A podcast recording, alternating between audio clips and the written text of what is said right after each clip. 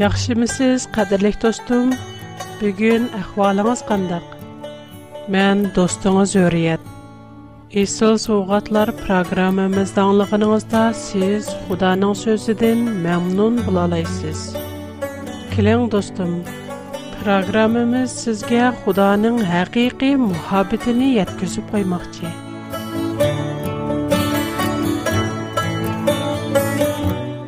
Бүгүнкү söhbət temimiz pal, çüş və cin. Turmuşumuzda nurgulğan kişilər palğa, çüşkə işindi. Yəni bəzi kişilər muşu dünyada cin bar deyə qarayır. Navada birər kişi өлүп кеткен ата-анасы, uruq tuqqanlari ва тунуш билишлерине tushaksa ular катты каяжаланып, ата анамның туқалларымның рухи маңа сөзләватыды деп ойлайды. Боронларда берәр кеше агырык сылак булып калса, яки берәр нәрсәсене йөттереп койса, дәрхал кеселене бахши яки прихонларга күрсәтте. Палчылардан ярдәм теләп йөттереп койган нәрсәсенең издирекне кылатты. ھازىرمۇ چوڭ شەھەرلەر ئاۋات رەستىلەردە پالچىلارنىڭ پال o'ltirganligini ko'rgil bo'ldi. بولىدۇ نۇرغۇنلىغان ko'zlar كۆزلەر oldiga berib o'zining taqdirini bilish ko'rinadi. ئۇرۇنىدۇ پالچىلارنىڭ پال بېقىشىمۇ ئاجايىپ قىزىقارلىق ko'p qatdim چوڭ كوچىلاردا پالچىلارنىڭ pal بېقىپ ئولتۇرغانلىقىنى كۆردۈم ئۇنىڭ ئەتراپى ئوغانلاشقان كىشىلەر ھەدەپ پالچىنىڭ سۆزىگە باشلىڭشىتاتتى يەنە قالتىس ئۇستى پالچىكەن راست تاپتى نەق ئۆزى شۇ دېگەندەك مەدىيە سۆزلىرىنى ياغدۇراتتى بەلكىم كۆپچىلىك دوستلىرىم پال بېقىشنىڭ نەدىمۇ خەتىرى بولسۇن باخشى پىرخۇنلارغا كۆرۈنۈشنىڭ قانچىلىك خەتىرى بولماقچى دەپ ئويلىشى مۇمكىن ئەلۋەتتە بۇلارنىڭ ھەممىسى ناھايىتى pal baktırış, pal içiş, bakışı pırkın oynaş, hemisi günah.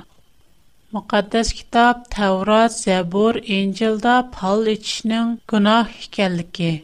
Bəzidə baxşı, pürxun, rəmcilərinin yaman ruhlar, yəni şeytan tərəfindən mədəd aldığanlığı eniq aytılğan. Quran-Kərimdə mə pal içiş çəkləngan. 5-ci surə Maidə 3-cü ayət. Əzlan bilən pal silişinlər haram qılındı. Bu günahdır. 90-cı ayət.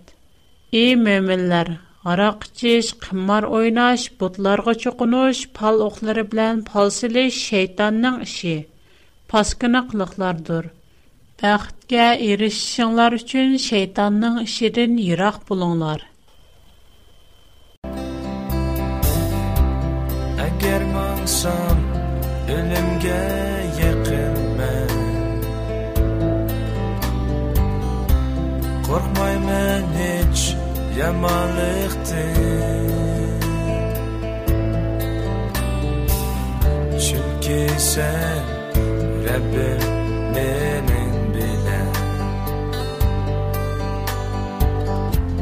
hayotliq yo'lim sen ekan Optimist for da Rappen sen ei sang Tinch me vin mu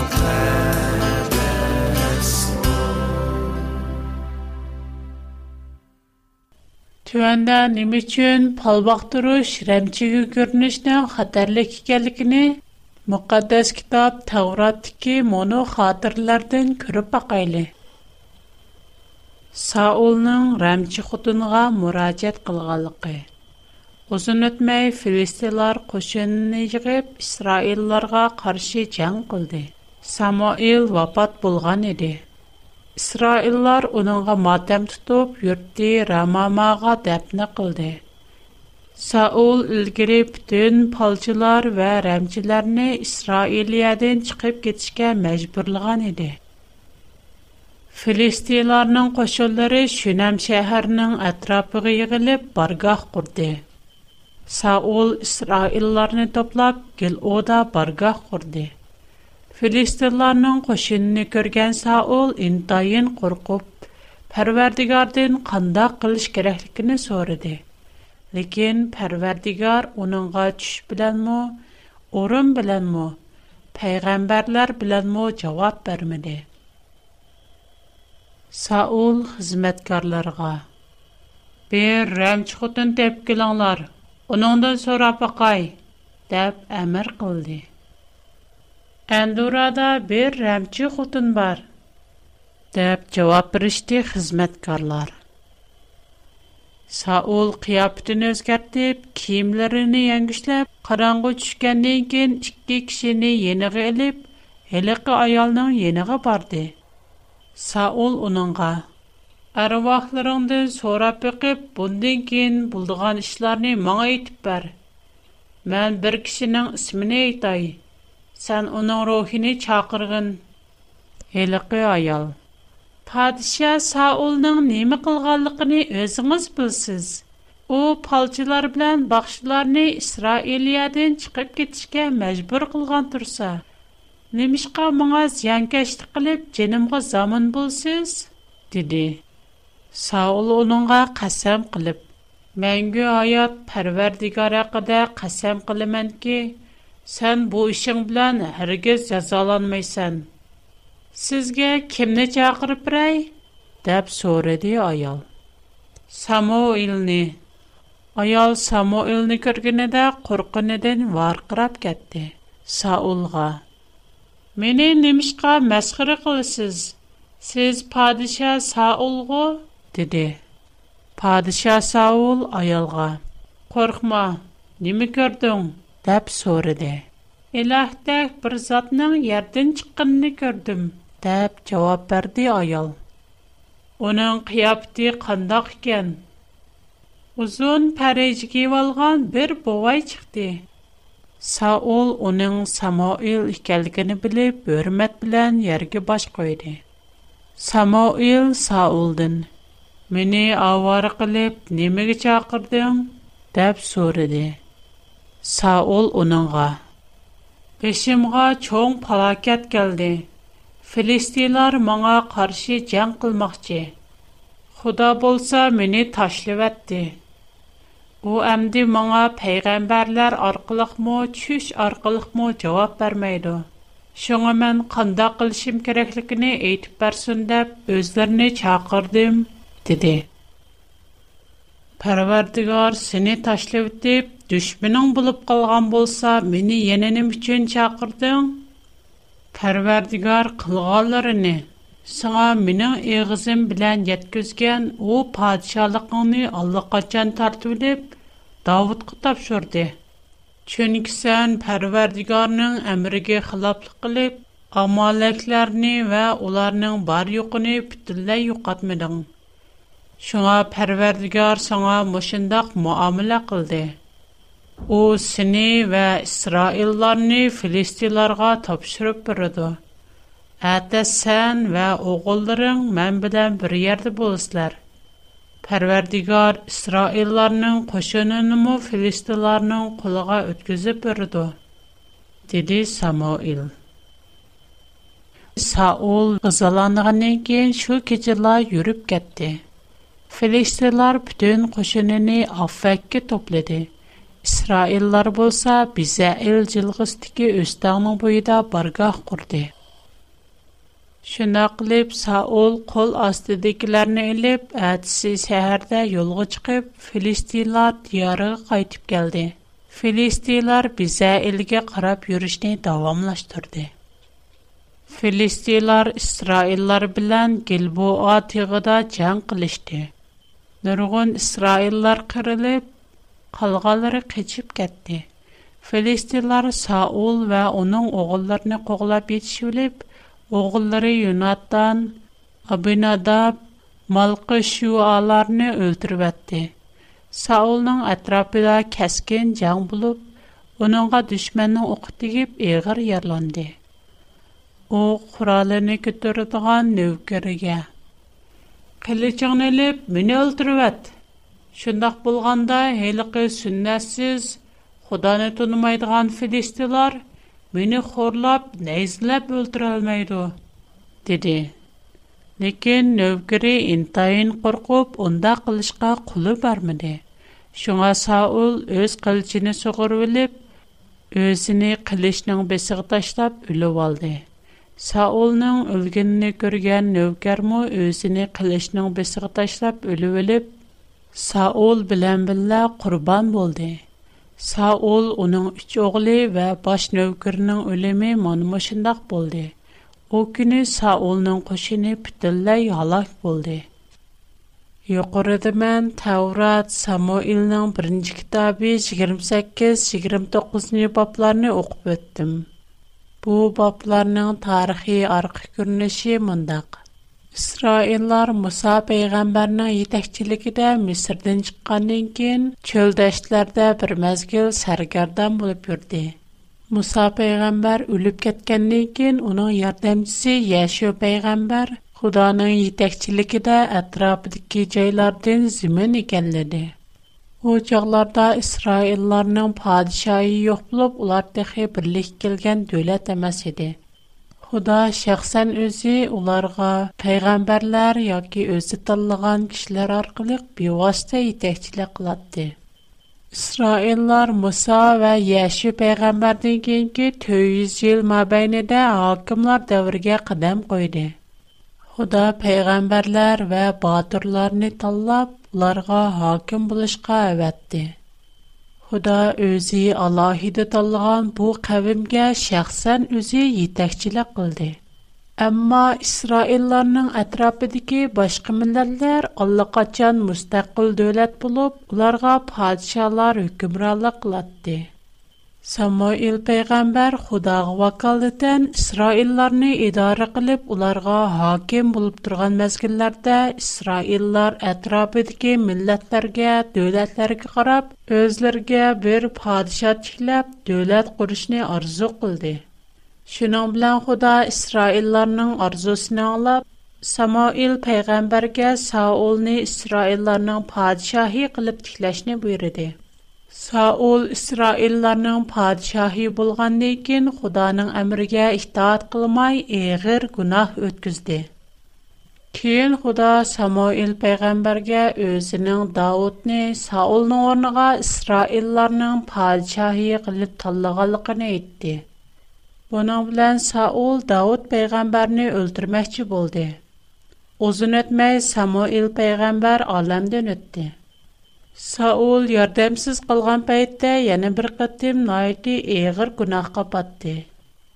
Әйни чагда Худа Муса пәйгамбәр ва аның дин кийинки пәйгамбәрләр аркылык барлық барлык бахшида хан Рәмсехригер палчларның һәммәсен куглап чыгырышны, бернимо тирек калдырмаслыкны ухтырган иде.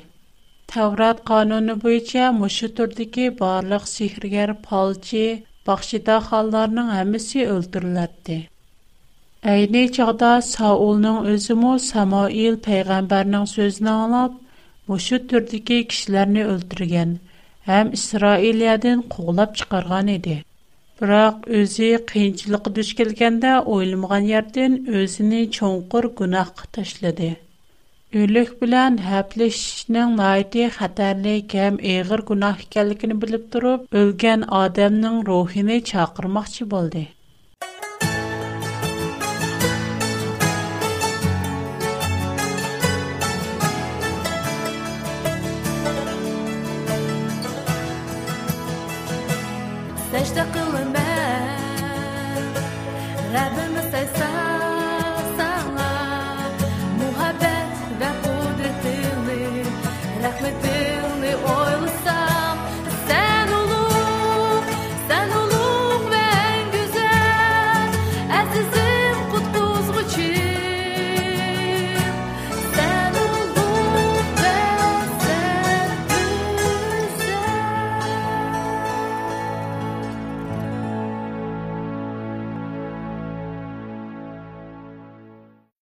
Мен бурын кадерлек достарым белән адам өлгәннән кин топуга айлынып китәдгәнлыгын, рухның асла мәҗүд эмаслыгын, адам үлеше белән ла тәфәккүр, хисият, билеш, иктидар катарлык һәм нәрсәнең юклып, тинех яки нәфәснең Худага кайтылганлыгы якында сөһбәтлешеп үткән идем.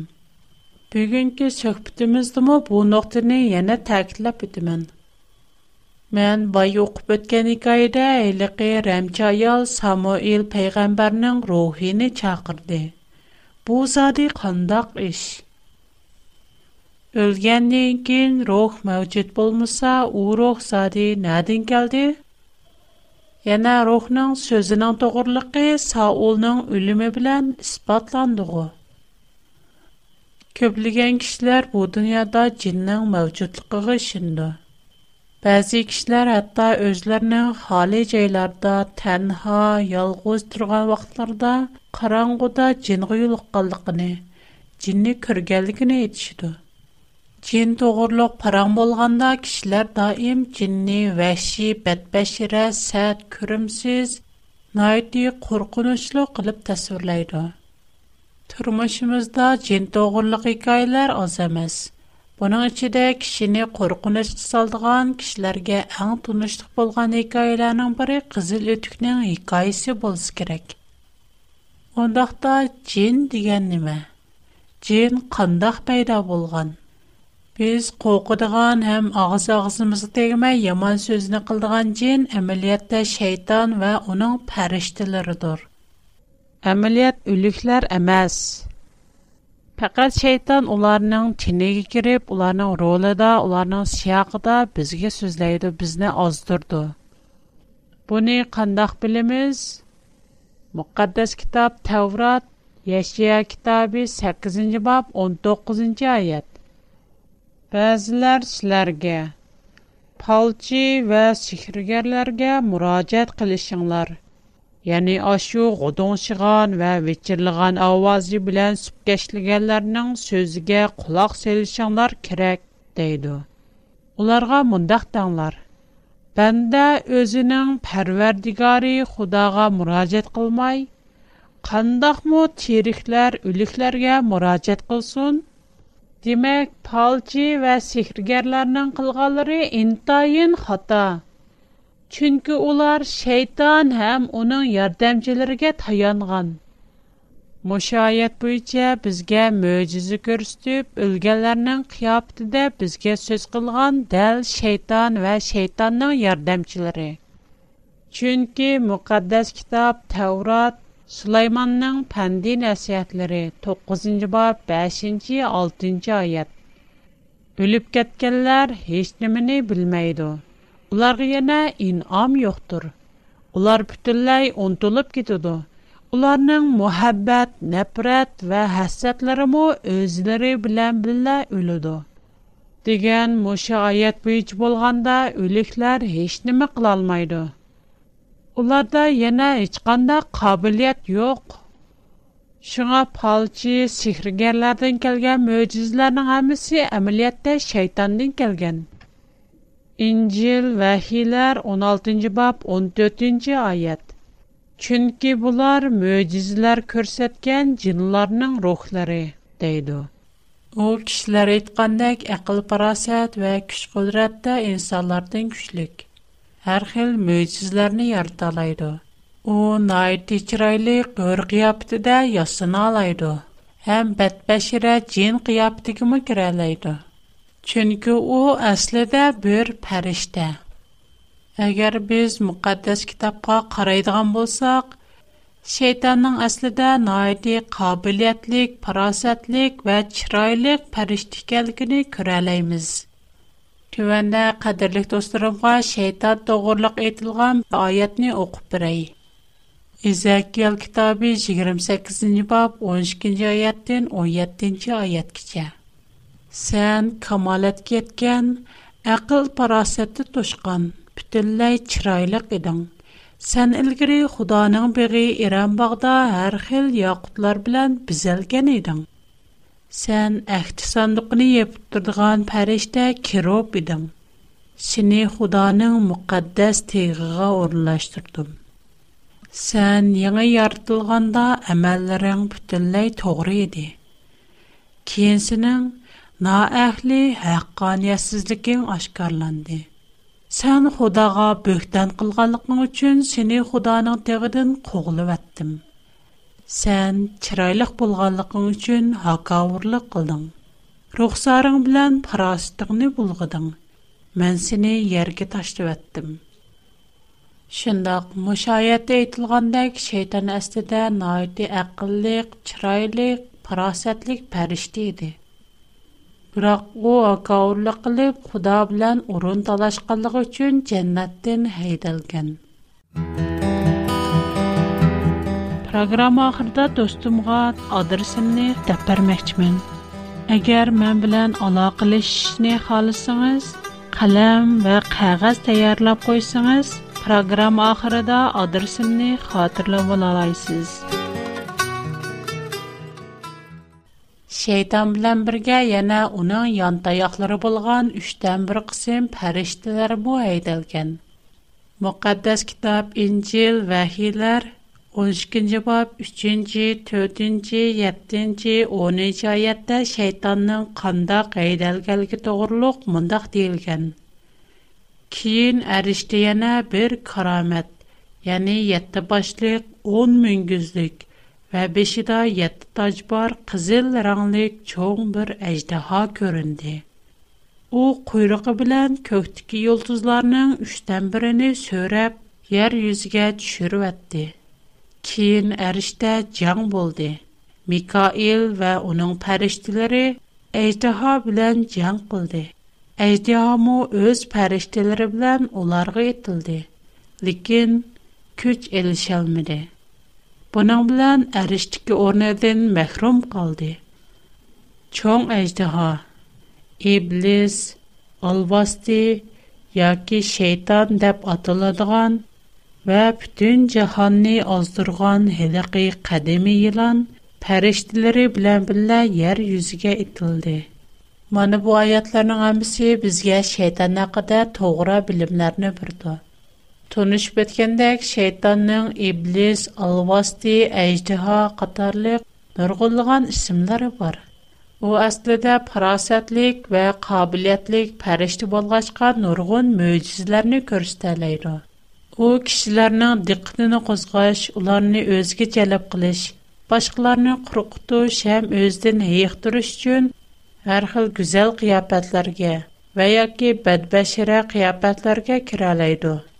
Саулның Ramchiga ko'rinish hikoyasiga қайтып келсем, Рәмче аял жақырған рух amaliyotda Самуил payg'ambarning рухи әміз. Бәлки шейтан Самуил пайғамбар растылла қайтып келгендек шундақ сақты көрініш пайда қылған. Шейтанның пәрәштілері Самуил пайғамбарның сақты қияптын ясап, оның авазыны дорған. Бұның білән Саул өлген пайғамбар қайтып келді. Оның рухи маңа кеп қылватыды деп ойлаған.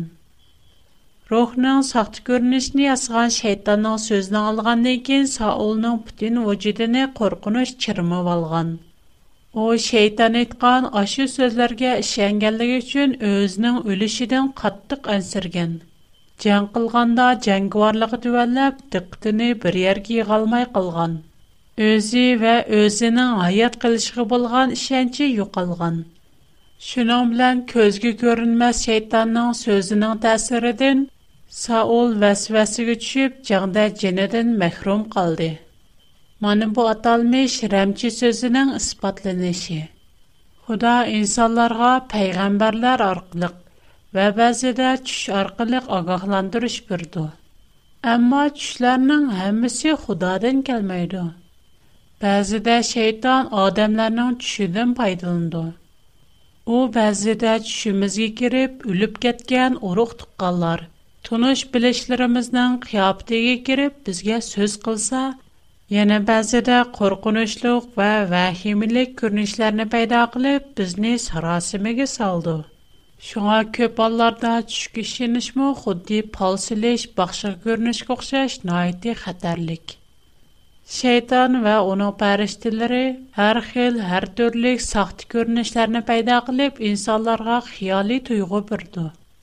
Adamның tush ko'rishi bu bir sir. Adam yerip charchab ketganda tush ko'rishi mümkün. Xiyalni köp qılsa tush ko'rishi mümkün. Uxlaş vaqtida tamaq yesimi tuş görüşi mümkün. İş qilib tuş görüşning xil ehtimolligi var.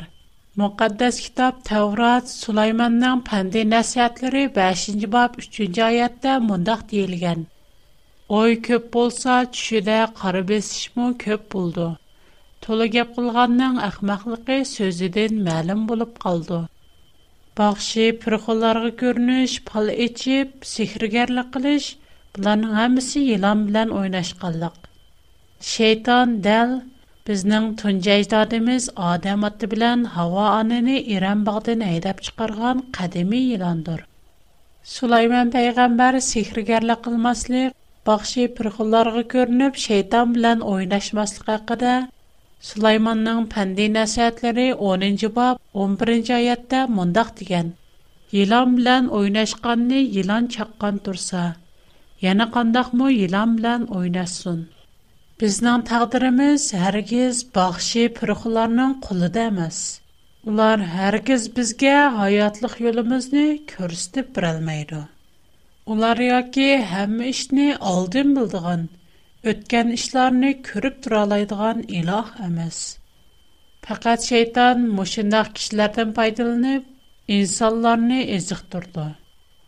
Sehrgar dahollar ko'rsatgan mo'jizalarning hammasi shaytondan kelgan. Навары без уларның алдыгы берип, улардан ярдәм телесәк, хутти өз хаятыбызны шайтанның кулыгы тапшырганга барабар. Худаның михир шапкытыла безгә хакыйкы хаят юлымызны көрсетеп бирде. Таврат Изякиял китабы 33-нче бап 11-нче аят. Парвардигар Худа мондак дейди: Мен рәзилләрнең үлешене яхшы күрмәймен. Пәкать рәзил кешеләрнең яман юлдан кайтып, яшшыны яхшы күрмәмен. Шуннак Худа найты михрибан вә шәфкатьлек. У сезне һәм мине Шинондек дөньядагы һәр бер инсанны яхшы күрде. Хәтта палчи дахан бахшыларны яхшы күрде. Fəqət onlar öz yollarından qayıtıb, rəzillikini taşlab, şeytanğa həmtayaq bulmasa. Xudanın yolluğa qaysa, günahığa tövbə qılsa, mehriban və adil Xuda onlara keçirim birələydi. Çünki o aləmdəki ən uluq, ən şəfqətlik, mehriban, ən əbucan və kənqursa Xuda emasmı? Qadirlik dostum, agar siz fikrimni to'g'ri тапсаңыз, xudoning sizning hayotingizda qilgan барлык iltifotlarini aslab бакың. uning sizga qilgan барлык iltifotlarini bir birlab sanab chiqsangiz xudoning mehr shafqatli xarakterini хакыйкый his кыла аласыз. Кадерле достум, Кілер қытым сіздің программымызды яна зиярат қылып келішіңізді арзу қылымын. Сіздің қытыңызды тапшыру үліш менің қошалықым. Менің тұр адырсым. Үрият әт bigfoot.com